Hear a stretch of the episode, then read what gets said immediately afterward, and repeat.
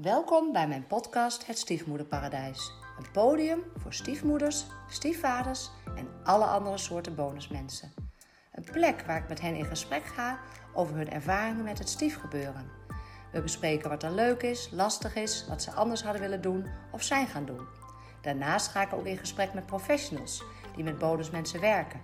En deel ik mijn eigen kennis en ervaring als stiefoudercoach. Mijn naam is Marieke Jansen en mijn doel en missie met deze podcast is om taboes te doorbreken, elkaar te inspireren, elkaar te steunen en heel veel van elkaar te leren. Ik heb er weer heel veel zin in. Hallo luisteraars, super leuk dat je weer luistert, dat je er weer bij bent bij een nieuwe aflevering. En wederom uh, heb ik een uh, gast en deze keer een man. En zoals jullie weten heb ik wel een aantal bonusvaders ook in de podcast. En deze man is geen bonusvader, tenminste tot voor kort niet. En ik hoop het nog steeds niet. Maar hij weet wel heel veel van het vaderschap af. Of heeft daar in ieder geval ook een duidelijk idee over. En doet daar heel veel mee. Mijn gast is Jeroen de Jong. Even spieken. Ja, Jeroen de Jong. Ik heb het wel goed zeg. En uh, hij is van de praktijkvader en auteur van het boek De Vadervuur. Nee, oh, daar gaan we al, Jeroen. Ik heb een boekje bij me. Auteur van het boek Vadervuur. En daar gaan we het ook over hebben. Jeroen, wil jij jezelf kort voorstellen?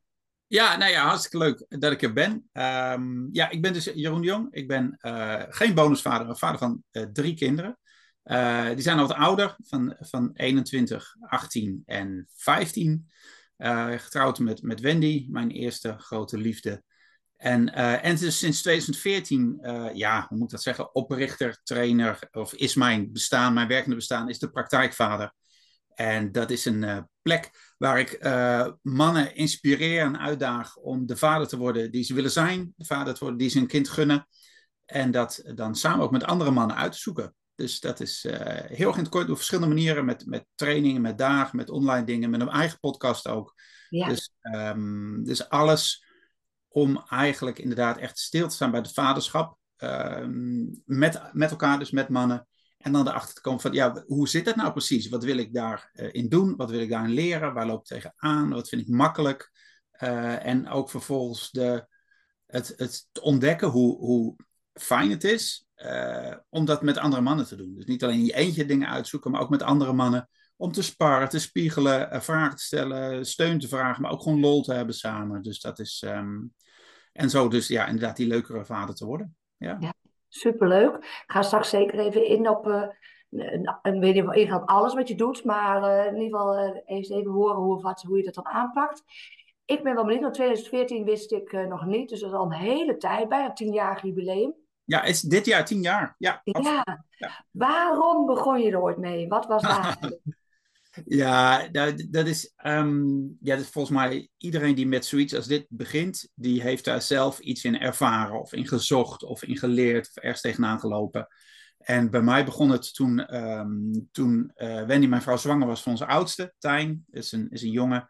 Dat wisten we toen nog niet, maar in ieder geval toen, uh, toen was zij zwanger. En ik had zoiets, ja, ik word straks vader en dat wil ik serieus nemen. Ik wil een goede vader worden. Ik wil misschien wel de beste vader worden. Dacht ik toen nog heel ambitieus. Ik was 28, dus ja, nou ja, vol, vol, vol jonge ambitie, zeg maar.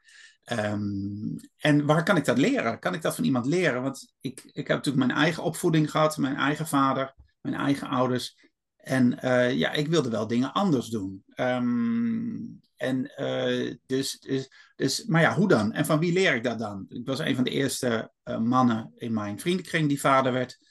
Uh, dus de, aan, die, aan hen kon ik het ook niet vragen. En ik had ook het idee van ja, het moet wel anders kunnen dan, dan de gewone boekjes die ik lees. En, maar de boekjes voor vaders waren er niet eens. Dus toen ben ik begonnen met dat uit gaan zoeken. Van, van, en aan andere mannen gaan vragen die dan wel meer ervaring hadden. Of die, die, die kinderen hadden die ouder waren. Of die überhaupt al kinderen hadden. En, um, en ja, daar is het begonnen. Daar is het begonnen. En dus mijn eigen zoektocht, toen, toen, toen ik net een jonge vader was, nog een aanstaande vader. En dat heeft zich zo ontwikkeld en ik heb heel erg veel verdiept in, in opvoeding, in, uh, in ontwikkeling van kinderen, maar ook in mijn eigen ontwikkeling juist. Van, van wie ben ik dan? Wat is, uh, wat is een volwassen man? Wanneer ben je nog meer een jongen? Wanneer ben je echt een volwassen man? Nou, dat is een heel mooi thema uh, om dat uit te zoeken. En, um, en wat heeft een kind nodig? Wat, wat wil ik als vader? Wat voor leven wil ik? Nou, al die grote vragen, in het leven, die ben ik gaan, uh, ja, gaan uitzoeken. En die, ja, die gooit het leven ook gewoon op je pad als je, als je kinderen hebt. Je moet wel, want je kunt er niet meer omheen dan. Nee. Um, en, en, en ja, en ik werkte toen op een gegeven moment, ik, werkte, ik had een kantoorbaan, maar ik werkte ook als leidinggevende en als coach. Dus, dus ik vond het heel leuk om mensen te begeleiden, mensen te helpen, om erachter te komen wat hun drijft, maar ook hoe ze zichzelf kunnen ja, verbeteren, om het zo maar te zeggen, hoe ze meer zichzelf kunnen zijn. Um, en op een gegeven moment dacht ik, nou ja, weet je, van ik ga gewoon doen wat ik echt leuk vind. Dus dat coachen en dat trainen voor groepen staan vond ik heel leuk. En dat vaderschap was zo mijn ding. Daar was ik zo inmiddels, ja, nou ja, veel ervaren in en veel over gelezen en gedaan. Ik dacht, dat ga ik bij elkaar gooien. En dan ga ik doen wat ik echt leuk vind. Nou ja, dat was, dat was een beetje zo 2012, 2013. En toen 2014 was echt de praktijkvader een feit met de eerste trainingen. Dus uh, ja. ja.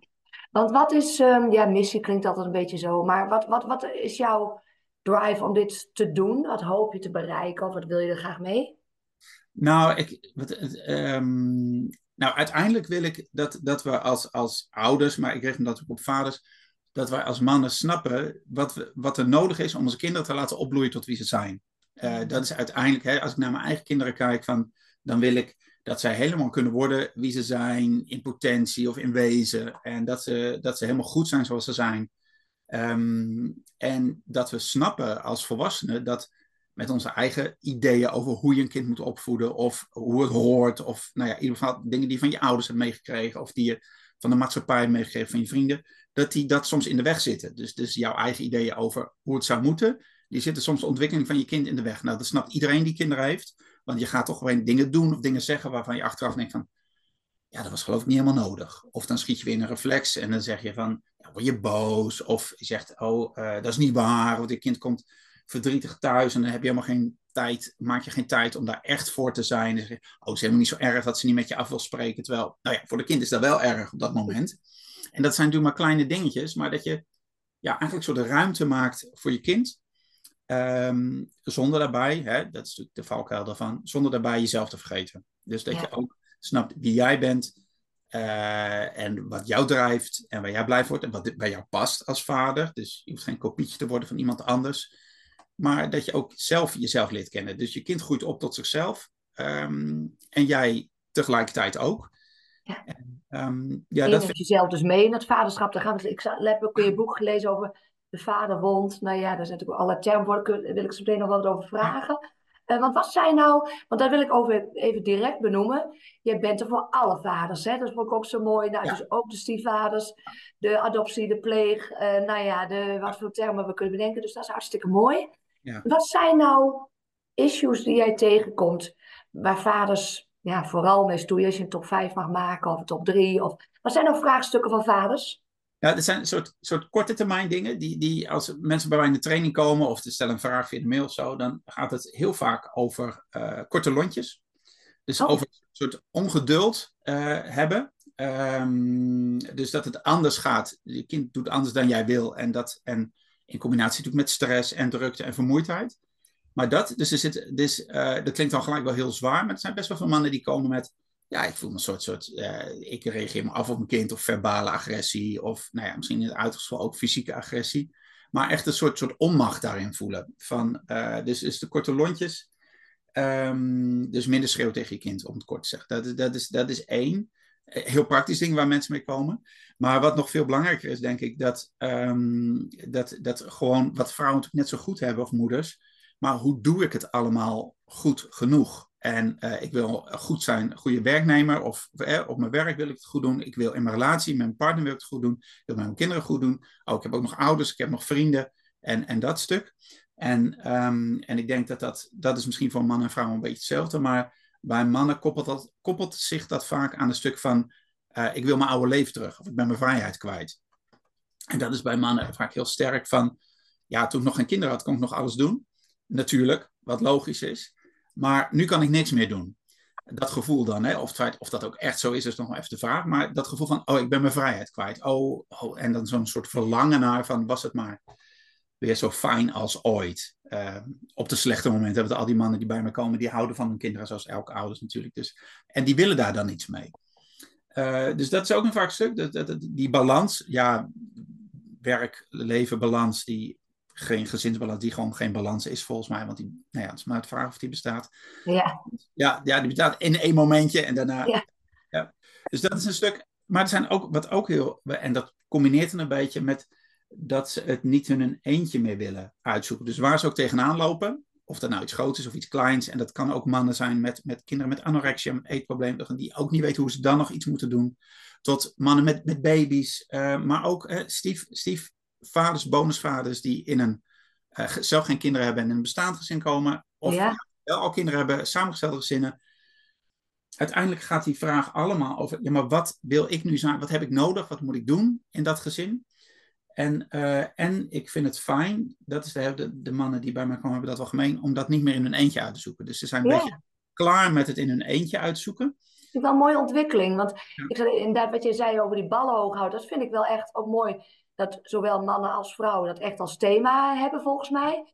Maar dat je nu zegt dat ze willen het ook niet meer alleen zoeken, dat is wel een mooie ontwikkeling, toch? Want ik denk als je echt naar de generatie 70 plus en bij de mannen kijkt, dat dat misschien wel dan een mooie ontwikkeling is. Nou ja, dat is wel echt iets wat, wat nog steeds veel is. Want heel veel mannen die bij mij komen, die zeggen van ja, uh, ik kan het hier met mijn vrienden niet over hebben. Dus ik moet naar een, een, plek, ik wil naar een plek waar ik dat gesprek wel kan voeren. Eerlijk en open en zonder de lacherig over te doen of te horen te krijgen. Ja, maar jij wilt er toch kinderen, dus het is logisch dat je hier nu in zit.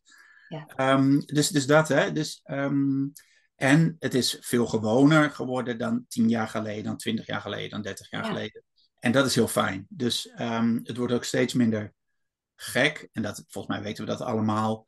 Weet je, uh, iedereen is wel eens naar een coach geweest of naar een therapeut geweest. Of heeft begeleiding gezocht voor zichzelf of voor zijn kind. Of, dus dat wordt steeds gewoner. Dus het is ook gewoner om dan ergens te gaan zoeken waar jou, jouw vraag uh, beantwoord krijgt. Of waar je tegenaan loopt, waar je daarmee geholpen wordt.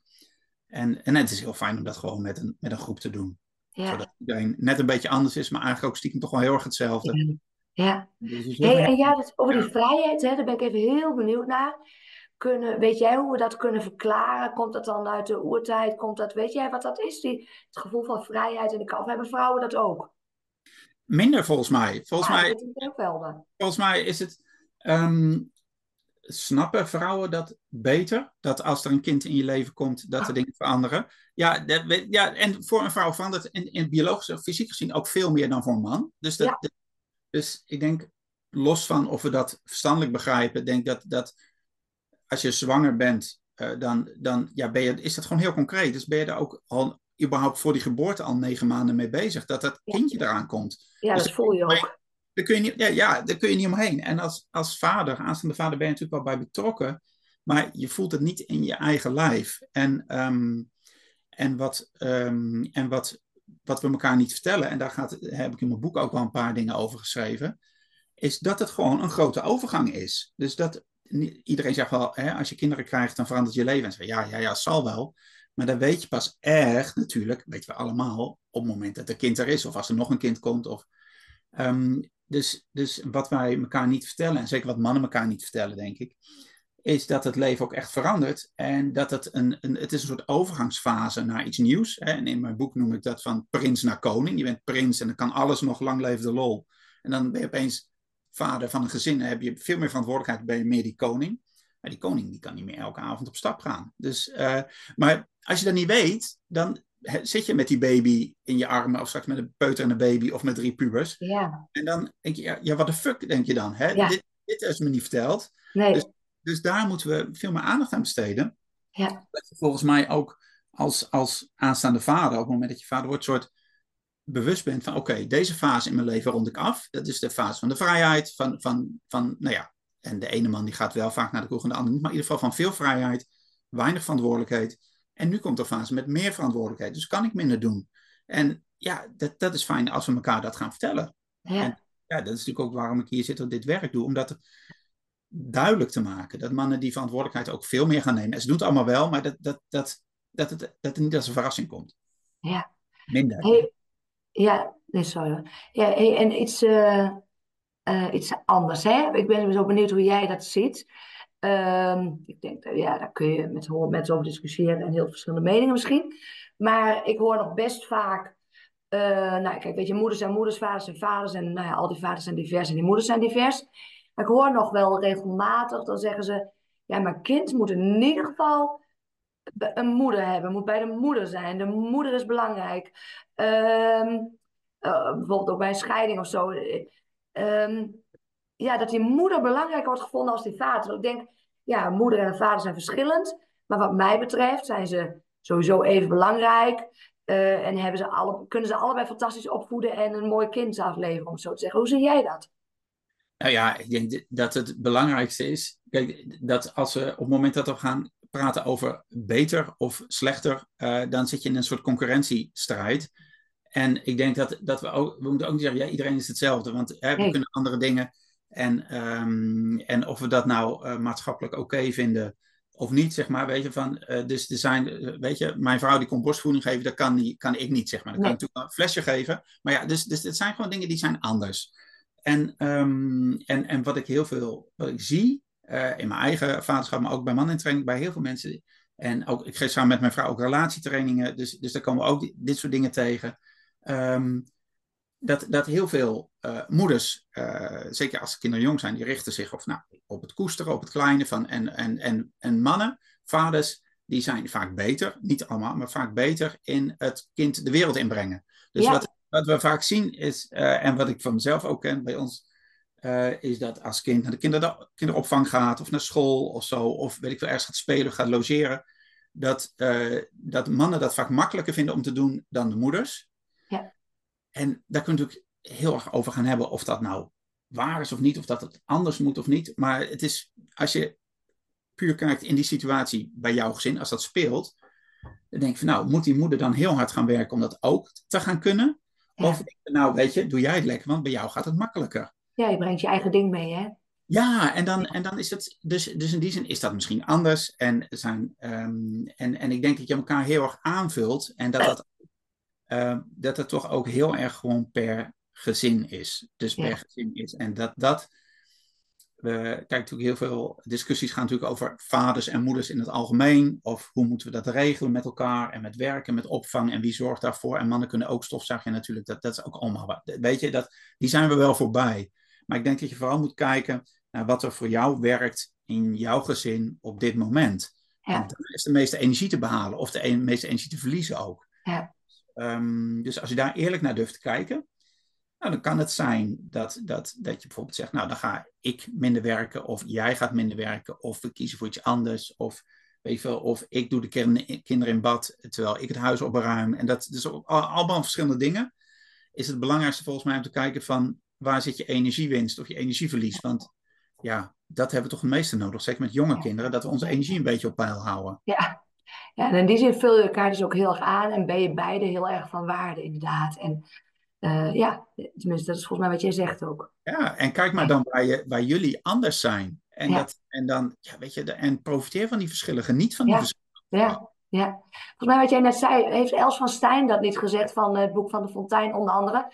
De moeder zet het kind op de wereld en de vader zet het kind in de wereld. Ja, nou ja, dat is zoiets wat heel vaak terugkomt. Ja, mooi, prachtig vind ik het ook hoor. En dat is, ja. Um, ja, dat is fijn om te beseffen. En dat betekent niet dat, dat moeders hun kind niet kunnen leren fietsen of naar school kunnen brengen. Maar het is vaak van, ja, dat gaat net wat makkelijker. Ja. Nou, en dat betekent dat ik niet, dus als mijn vrouw borstvoeding geeft, ho hoef ik me niet te bemoeien. Ja, maar er moet ook een flesje kunnen geven, want ik wil hem kunnen voeden. Oh ja. ja. Weet je, dat kost ook allemaal energie. Dus, Ja. dus dat is ook weer van, dan, want dan wil ik dat ook kunnen. Of willen, of dat heb, weet ik veel, ervaren.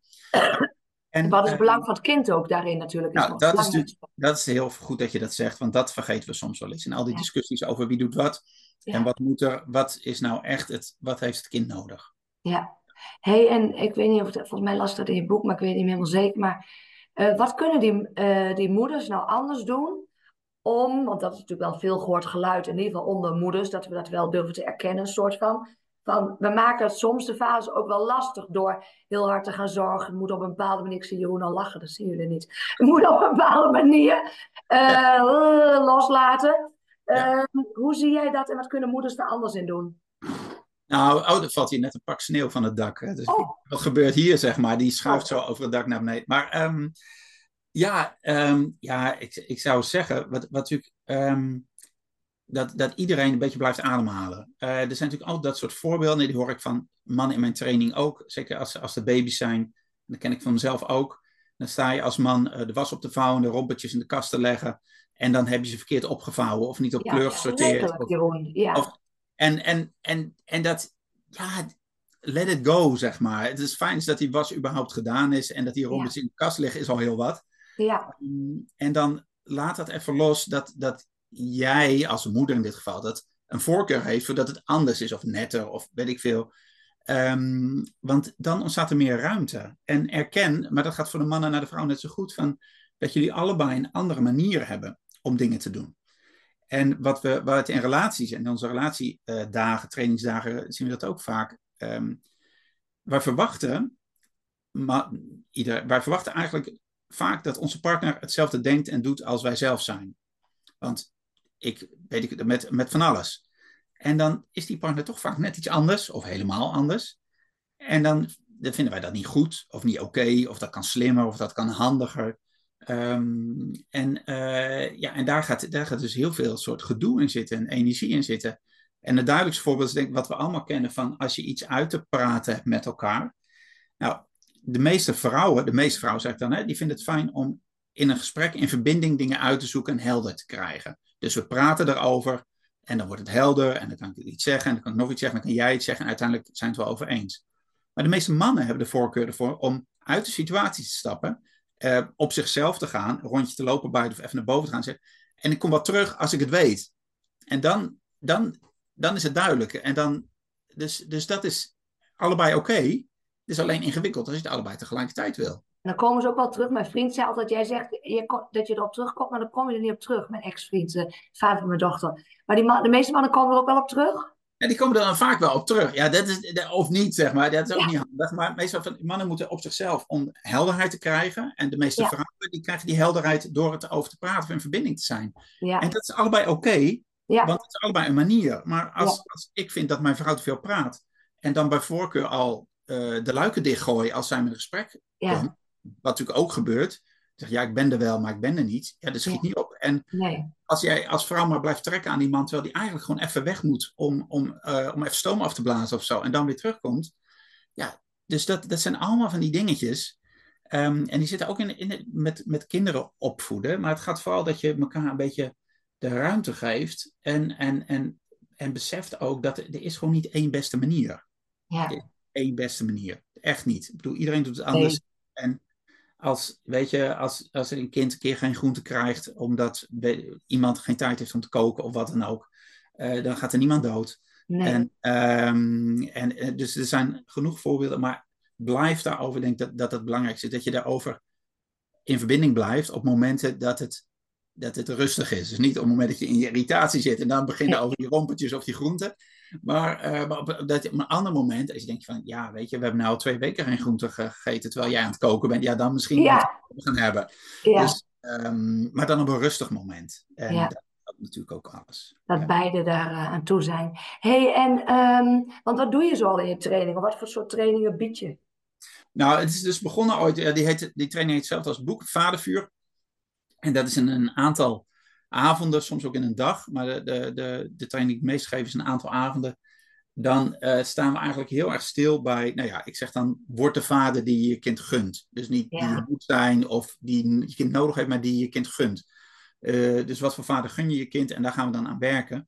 Um, en een aantal dingen die we doen. Het is, het is ook echt, we doen ook dingen. Het is niet alleen maar dat ik een PowerPoint geef en dat mensen daar zitten en aan het einde een diploma krijgen. Nee, we doen echt dingen. We doen fysieke oefeningen. We werken ook veel met het live. Om, om ook met ademhalingsoefeningen. Om echt ook je stress te reguleren, emoties leren kennen. Maar we zoomen ook in op de relatie met je eigen ouders bijvoorbeeld. Van hoe zit dat? Uh, wat wil je van je eigen ouders uh, meenemen? Wat wil je doorgeven aan je kinderen en wat liever niet? Uh, en hoe doe je dat dan?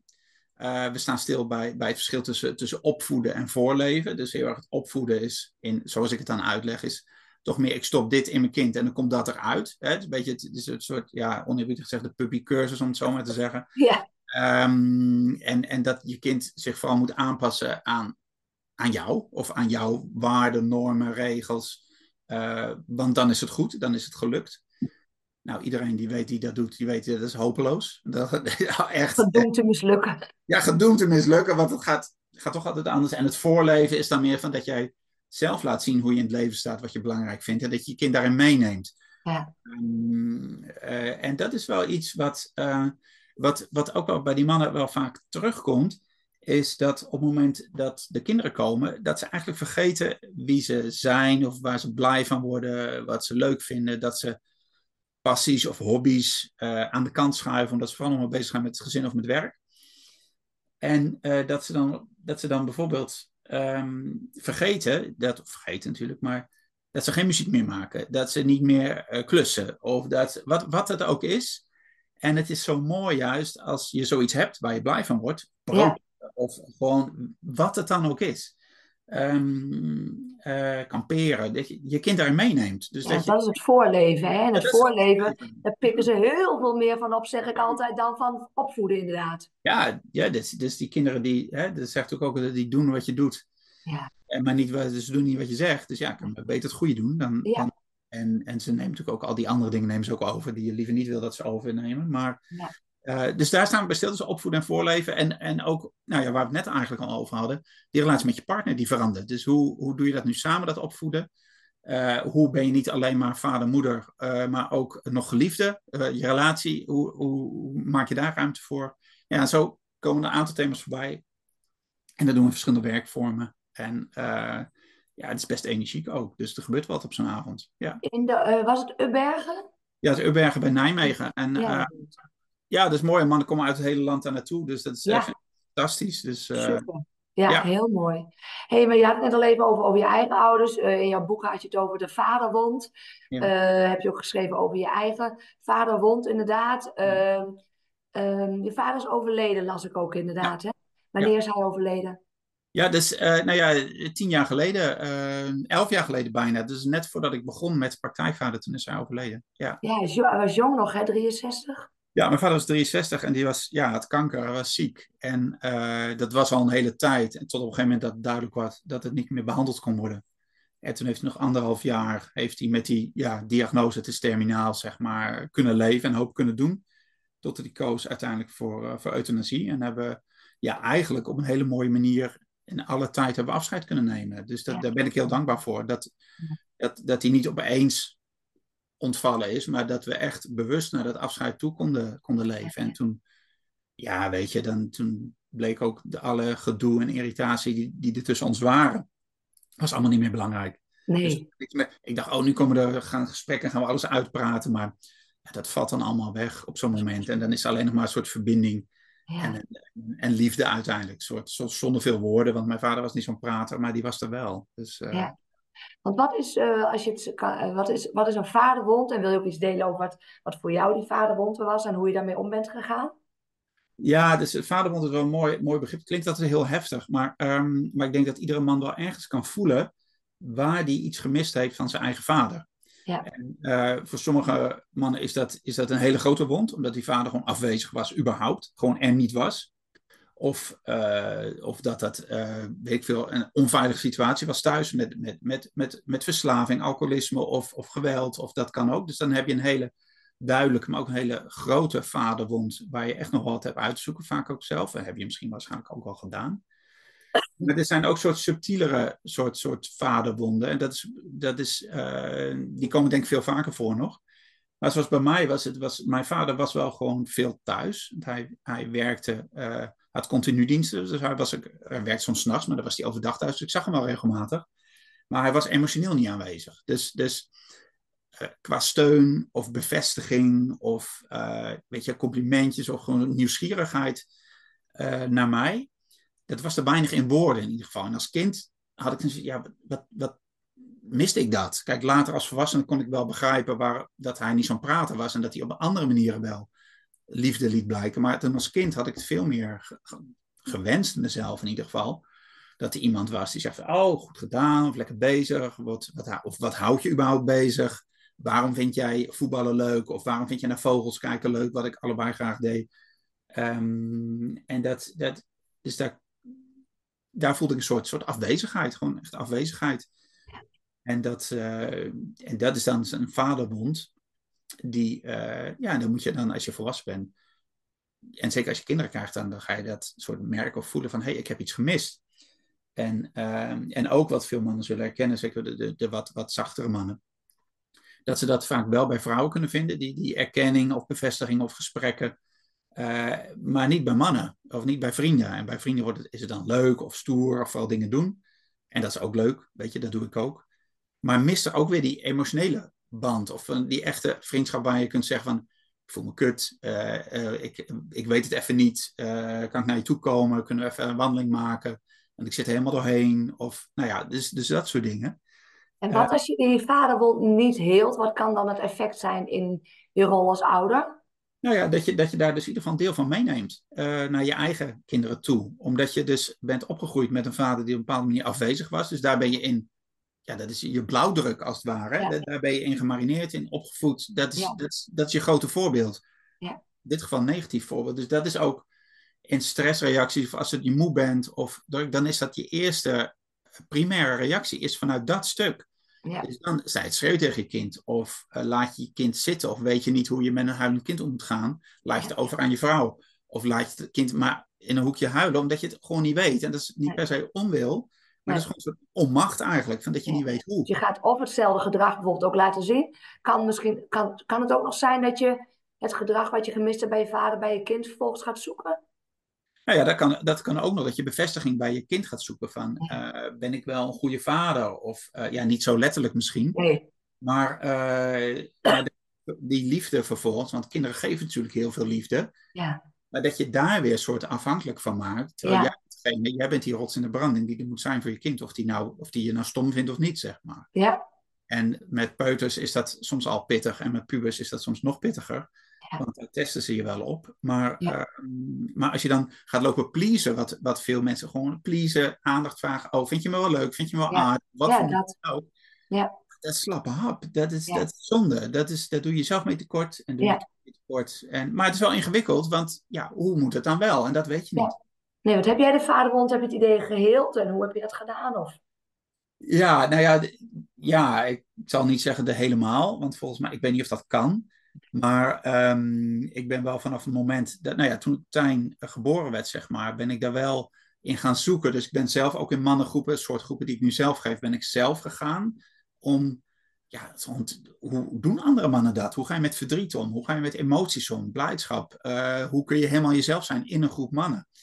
Um, dus dat heb ik daar wel geleerd. Uh, het was, ja, dat hele stuk, dat afscheid van mijn vader, heeft er ook heel veel in gedaan. Ja, dus, mooi. Dus, een van de mooie manieren om met die vaderwond aan de slag te gaan is om nu nog, nu als je vader er nog is, zeg maar, om gewoon contact te gaan maken. Dus om, en dan niet om, uh, want niet om hem te verwijten dat hij er niet was vroeger, want ja, hij wist ook niet beter.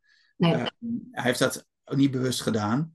Uh, maar om gewoon nu een, een, een, relatie op te bouwen die gebaseerd is op contact of verbinding of dingen doen. Omdat, weet je, mannen doen graag dingen nou, ga iets met je vader doen. En een van de mooiste dingen die, die je kunt doen met je vader, als je echt een keer iets speciaals wil doen, en dat schrijf ik gewoon in mijn boek, is, maar ga eens naar de plek waar die is opgegroeid. En ga dat samen een wandeling maken, of waar, waar die, het ouderlijk huis, of de school, of je dorp of de stad. En, ehm, en misschien lopen jullie alleen maar rond. En misschien komt je vader opeens met verhalen. En doe dat ook vooral zonder je moeder. Dat, dat, doe dat gewoon even alleen met je vader. Oh ja, dan krijgt die mannen, die oude mannen, die vaders. Ja, maar dan, uh, ja, dan gaan we ook met je moeder. Nee, dan zeg je, pap, ik wilde alleen met jou. Ja. Uh, oh, dat, oh, dat doen we anders nooit. Nee, maar nu wel. En, um, en dat kan weer mooie dingen um, ja. uh, op gang brengen. Maar je kunt ook een keer gewoon naar een concert gaan, wandeling maken. Dus, dus, dus dat is allemaal het hele van die, van die vaderwond, zeg maar. En, um, ja, en je merkt het, nee, kinderen, kijk, weet je, de, de, andere kant ervan is dat ik, dat ik overcompenseer. En dat zeg ik ook wel vaak. Kijk, mijn kinderen weten echt wel dat, dat, dat ik van ze hou. En soms weten ze dat misschien iets te veel, zeg maar. Ja, ja. Ja, wel. ja dan zeggen zij nu straks weer, ja, maar mijn vader zei altijd heel vaak dat hij vermild, dan ga ik echt wat minder doen, want ik werd er helemaal gek van. Nou ja, dat kan. Ja, dat kan. Dat is, weer hun, dat is hun weg. Dus, uh, ja, ja. Nee, wat je net vertelt inderdaad, wel mooi. Ik ging, maar dan had ik dus misschien apart moeten doen. Nee, weet ik niet. Ik ging op een gegeven moment, toen mijn vader is ook overleden, vijf jaar geleden, inmiddels bijna alweer. Dus 67 inderdaad. Maar gelukkig een heel aantal jaar daarvoor zei ik tegen mijn vader en moeder. En ik betrok mijn broertje en zusje erbij. Ik dacht, nou, die zullen het wel weer raar vinden, maar het boeit niet. Ik zei tegen mijn vader en moeder, ik zou heel graag een keer gewoon met jullie willen praten over jullie jeugd, over vroeger, over wat je allemaal had meegemaakt, dus hoe een kindje was. nou ja, weet ik hoe je over het ouderschap dacht. Nou, mijn broertje en zusje die rolden met hun ogen, daar heb je haar weer. Maar we willen er wel bij zijn. Ja, precies. ja. Ja, ja, En mijn ouders hadden ook zoiets van, oh, dat zijn sociaal werkers, dus ze zijn echt wat gewend. met mijn ouders oh ja, precies. Ja. van, oké, ja, nee, natuurlijk doen we dat. We hadden wel zoiets van, hmm, bijzonder. Maar dat hebben we gedaan. Dat was echt heel vet inderdaad. Ja, en, ja, nu is hij dood, maar nu weet ik gelukkig wel uh, het een en ander. Want ook zij hebben zo'n geschiedenis voordat jij kwam. Ja, en, ja, daar weet je toch weet je bijna nooit iets van. Nee, bizar toch? Ja, en dat is zo, zo mooi. En ook voor je, voor je kinderen nu, zeg maar. Dat zij dan ook weer iets meer weten waar ze vandaan komen. Ja. ja. En, um, en dat, eh, ja, dus dat is, en dan kunnen zij, hè, dan kunnen je ouders nog iets over hun ouders weer vertellen. Dus dan weten je kinderen misschien ook later weer iets over hun overgrote ouders. Ook al kennen ze ze misschien niet, maar weet je, dat is zo fijn om, om een beetje gevoel te hebben waar je, waar je vandaan komt. Ja, ja, is heel, uh, ja er zit een hele geschiedenis inderdaad. Ja, of het nou fijn is of niet, hè, ook als het niet fijn is, dan is het toch het is wel, het is, het is wel, het is jouw familiegeschiedenis. Dus dat, ook al zitten er niet fijne dingen in, je ontkomt er niet aan dat dat jouw nee. familiegeschiedenis is. Nee. En um, dus dan kun je zeggen, nou, dit is gebeurd en dat is niet fijn, maar dit is wel waar ik vandaan kom. Ja. ja. hey Jeroen, ik ga je een persoonlijke vraag stellen. Uh, want je hebt, uh, je hebt je erin verdiept in het vaderschap toen je vader werd. Je bent er vol voor gegaan. Nou, ja, je hebt je werk van gemaakt. Als je, je hebt vast je kinderen gevraagd. Wat vinden ze dat je goed hebt gedaan? ja, dat is wel grappig. Dat is wel, dat, dat, uh, pas was ik voor een, een andere podcast uh, gevraagd. En toen, toen vroeg iemand van, ja, wat is nou je faalmoment, zeg maar, ja, van afgelopen week. Dus dat, dat zijn wel mooie vragen. En um, ja, nou, ik had, ik had een ander voorbeeld daarvan is, is dat, dat uh, nou, volgens mij zijn ze over het algemeen wel tevreden. Dat heb ik wel ook al gezegd. En zijn, ik was met het boek bezig en dat hebben ze allemaal gelezen, want ze, ze komen er ook in voor. Ze ja. moesten uh, ik had gevraagd, nou vind je oké dat ik dit over jullie schrijf? Nou, dat vonden ze allemaal oké. Mijn oudste twee jongens zeiden, ja, dat is wel goed. En mijn dochter van 15 vond het helemaal geweldig. Van, oh ja, oh, dit gaat over mij. Oh, wat leuk om te lezen. En toen was ik nog klein. En, nou ja, dat is oh. ja, maar, maar wat, ik, um, wat ik me pas later realiseerde, had ik een gesprek met mijn oudste, die is nu 21. En dat ging over, uh, dat ging over schoolkeuze. Toen met, met zijn middelbare schoolkeuze. Dus toen was hij 12. En wij wonen in Nijmegen en, heb je een, uh, een, en ze zaten op de Montessori basisschool. En in Nijmegen is een vrije middelbare school. Dus, dus echt vrij ja. antroposofisch. En nou, vind, vind, ik hartstikke leuk. De kinderen niet op de gewone vrije school gezeten, want dat was te ver weg toen. Nou, nu mooi. Vrije school, creatief, eh, spiritueel, mooie dingen, vrijheid. En um, dus wij gingen daar met hem naartoe. En, en hij wilde dat gewoon echt niet. En, nee. um, en ik loop die school binnen op zo'n open dag. Nou, je weet hoe het gaat. En dan, nee, dit is het echt niet. Nou, wij nog een keer, nou, gaan ook een keer naar zo'n lesjesavond. Ga een keertje meedraaien. Nou, heeft hij nog gedaan. Samen met een vriendje of vriendinnetje van, de, van zijn basisschool. En uh, nou, dat ging hij niet doen. Hij ging gewoon naar een gewone, gewone school. Wel aan de andere kant van de stad. Want er moest wel wat, blijkbaar wat afstand tussen ons en hem zitten of zo. Dus we moesten wel een half uur fietsen. Ja. Maar toen later hoorde ik dus van hem, niet zo heel lang geleden uh, zei, ja, ik wilde gewoon niet naar die school, omdat jullie dat zo graag wilden. En jullie waren dat zo aan het pushen. En ik van, oh, fuck. Oh, haak even niet door op dat moment, zeg maar. Nee, je was enthousiast ook waarschijnlijk. Ja, dat was mijn enthousiasme. Maar in mijn enthousiasme, en ik dacht ook, ja, jij past daar prima. En ik denk dat nog steeds. Maar ik was zo enthousiast, en mijn vrouw denkt ook, Wendy. Dus we waren zo aan het pushen. We wilden zelf het liefst gewoon naar die school staan. Dus, ja. ja, ja iets wat we zelf vroeger niet hadden gekregen. Maar um, dus hij heeft dus er heel van afgezet. En um, dus denk ik, ja, de, die heb ik gemist. Die heb ik echt gewoon ja. gemist. Ja. Echt, um, dus dat zal misschien nog wel eens vaker gebeurd zijn. Ja. Dat ik in mijn enthousiasme over iets uh, denk, ja, dit is, dit is gewoon leuk. Dat vindt iedereen toch leuk. Heb jij in een van je cursussen niet geleerd dat als je ze op voetbal wil hebben, dat je dan vioolles heel hard moet stimuleren en dat ze dan vanzelf naar voetbal gaan? Nee, daar heb ik. Nee, dit, dit nee, is psychologie, hè? Ja, ja. ja ik, ik, heb zelf veel, veel gevoetbald en ik wilde absoluut niet zelf als ouder in alle vroegte en alle kou op het, op het voetbalveld staan. Dus dat heb ik niet. Ik heb het, voetbal heb ik niet gestimuleerd. Als ze hadden gewild, nee. hadden ze gemogen. Maar ja. ik heb het niet gestimuleerd. Nee, snap ik nee. ook. Ik ben ook blij dat mijn dochter niet meer voetbalt, inderdaad. Ik vond het ook zo koud. Oh. Ja, ik weet het nog van mezelf, van uh, moest je met majo's aan en dan op het voetbalveld staan. Ik aan die, nou ja, maakt niet uit. Maar um, nee, dus die dingen, die, die, die, niet, zeg maar. En, en wat, ik, uh, wat ik ook wel grappig vond, is een ander soort voorbeeld van... Uh, nou, en ik, wij, zitten, nou, dit, wij doen dit werk. Uh, we begeleiden mensen één op één en in groepen. En toen moesten ook een keer op de basisschool moesten ze een, een soort projectje doen. Een, ja, een familie kastje, maar er moest dan in een doos of een kijkdoos moesten allemaal dingen over de familie, over wat voor werk je ouders dan doen en zo. Nou, dat was echt zo ongemakkelijk. Want ja, ik ga echt niet vertellen dat jij iets met vaders doet of dat mama iets met zwangere mensen doet. Nee hoor, ik vertel het wel over opa, want die was gewoon vrachtwagenchauffeur en dan kan ik gewoon, dat is gewoon duidelijk. ze dus- willen niet anders zijn, hè? Het mag niet te gek. Nee, nee, dus, dus dat, dat zijn ook van die dingen. Ik denk, ja, daar hebben zij dan mee te dealen. Dat ze, dat ze, Toen nou dacht de klasgenoot dat jullie werkloos waren, waarschijnlijk. Ja, daar heb ik verder niet, heb ik verder niet, niet gehoord. Ik heb ook wel eens gezegd, van, ja, kan op de middelbare ook wel eens een keer iets komen vertellen hoe je dan, als je een baan, uh, gewoon werk zoekt buiten alle gewoon gewone banen. Ik best iets kunnen vertellen over hoe je dan je weg daar vindt. Nee, doe jij dat maar niet. Doe jij nee. nee, Oké, okay, nee, oké, goed. Dan, dan blijf ik ja. Ja, oh, geweldig. Hè? Ja, mooi is dat inderdaad. Ik spreek even op mijn lijstje of ik uh, naar de vragen. Even kijken. Uh, uh,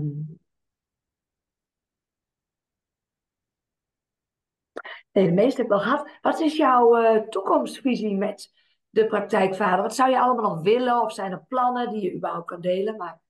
Nou, oh ja, kan van alles delen hoor. Nee, het is dus, uh, nou, dit jaar is, bestaat het tien jaar. Dus uh, ik ben wel van plan om iets, iets leuks te gaan doen. Ik weet nog niet precies wat. En we hadden vorig jaar in mei hadden de boekpresentatie in de grote theaterzaal. En dat was hartstikke leuk, volle zaal. En, en het was hartstikke leuk. Een soort theatervoorstelling gemaakt.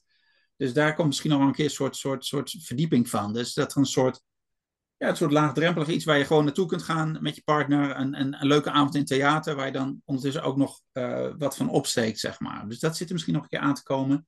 Nee, en ik ben heel blij met het, met, met het boek dat het er nu is. Want, want ik geef natuurlijk die trainingen en dat is, nou, dat daar moet je je voor opgeven, daar moet je tijd voor maken. En dat, nou, dat, dat moet je doen. Dat, dat is best een investering. Uh, in tijd en, uh, en daar moet je voor vrijmaken. Maar het boek is er nu, dus ik kan nu ook gewoon het boek kan, kun je gewoon thuis lezen. En dat, dat is super fijn. En dat, dat kost, kost twee tientjes, zeg maar, of 24 euro.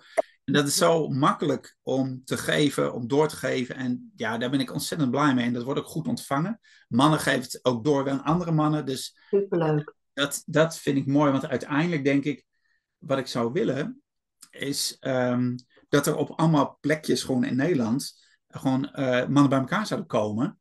Uh, gewoon een soort kleine vadervuurtjes. Dat ze gewoon met drie, vier mannen gewoon bij elkaar gaan zitten. Mannen die je kent van school of, of weet ik veel, je collega's. En dat je misschien met mijn boek of zo, zonder mijn boek in ieder geval bij elkaar gaat zitten. En van, nou, waar gaan we het nou eens over hebben? Wat komen we tegen in ons vaderschap? Waar ben je blij van? Waar word je niet blij van? Hoe doe je dat? Wat vind je lastig? Uh, nou, dingen waar wij het hier ook allemaal over gehad hebben. Een aantal vragen, zodat je een soort open, eerlijk gesprek krijgt. En, um, en daar zie ik nog wel in de toekomst mezelf een soort, misschien een, een uitbreiding op het boek voor schrijven. Een soort how-to, hoe je dat aanpakt. Zo'n zo'n mini-vadervuur cirkel bij je thuis of rond een vuurtje in de tuin of waar dan ook, zeg maar. Dus dat soort doet zelf uh, vadervuurcursus. Uh, dus dat, dat, dat zie ik nog aan de toekomst gebeuren. Ja. Leuk.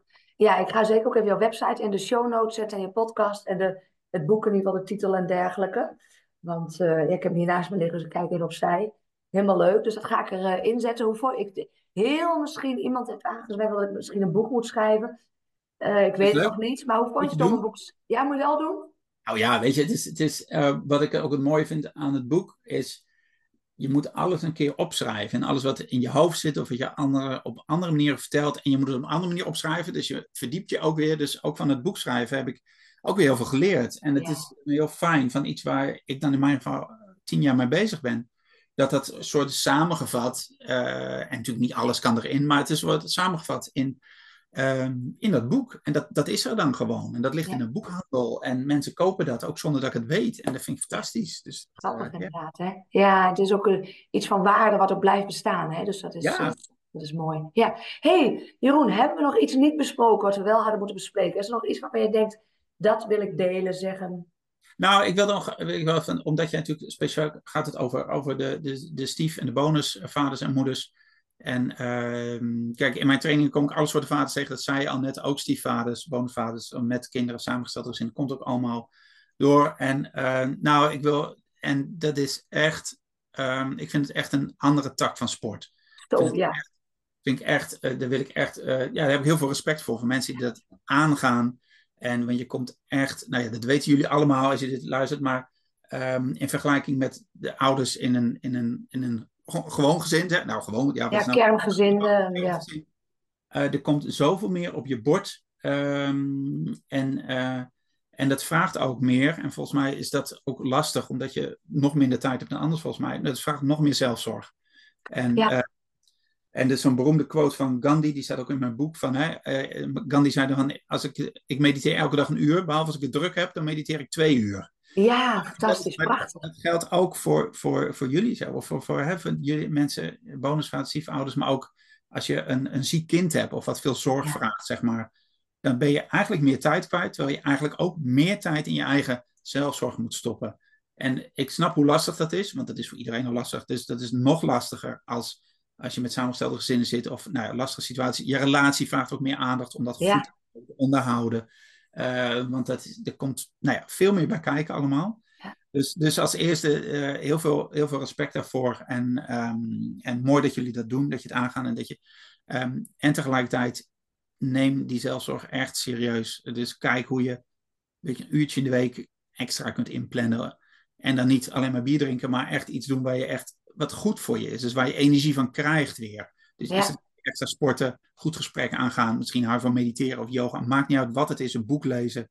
Ja. Een extra dagje in je eentje het bos ingaan. Wat Ja. het is, maar iets waar je van oplaat. Ja, Eh, ik zeg altijd zonder schuldgevoel, want dat zie ik in samengesteld zijn ook heel veel.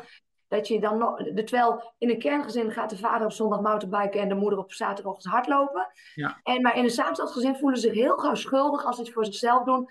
Want nu zijn de kinderen er en mijn partner vindt het zo fijn als ik erbij ben. En we moeten samen zijn. Ja. Dus inderdaad, zelfzorg eh, zonder schuldgevoel. En inderdaad, mooi dat je het zegt hoor, want dat is echt heel belangrijk inderdaad. Ja, zodat je uiteindelijk, dat je, want je doet het natuurlijk, zodat je jezelf oplaat, zodat je daarna er beter Ja. kunt zijn. Ja? Dus, dus je partner, je kinderen, je bonuskinderen hebben er veel meer aan als jij even bent en daarna opgeladen weer terugkomt, dan dat je eh, half eh, moe of op de bank zit terwijl je er niet bent eigenlijk. Omdat Met je, het korte lontje. ja, met het korte lontje. Dus, Ja, ehm, ja.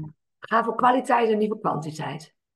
Nou, Ja, ja, mooi. Mooi. Hele mooie afsluitende woorden. Ook de mooie quote inderdaad, eh, die Ja. nemen we mee. Jeroen, ontzettend bedankt eh, voor ons gesprek. ja, graag gedaan. Hartstikke leuk. Ja. Wil je meer weten over samengestelde gezinnen? Download dan mijn gratis e-book Eerste hulp bij je stiefgezin. Zie de link in de notities bij deze aflevering. En wil je één ding voor mij doen? Een review achterlaten om te laten weten wat je vindt van deze podcast. Dit is namelijk super simpel.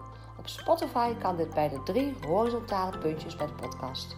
En op iTunes kan dit bij de button beoordelingen en recensies. Heel erg bedankt. Ken jij mensen die ook profijt kunnen hebben van deze podcast? Deel hem dan gerust. Ook dit kan heel simpel via Spotify en iTunes. Ken je mensen die de gast willen zijn of wil je zelf de gast zijn? Stuur me dan een bericht. Info Een DM op social media mag natuurlijk ook. En wil je nooit meer een aflevering missen? Abonneer je dan op de podcast. Ook dit is wederom heel simpel. Je krijgt elke keer een seintje als er een nieuwe podcast online staat.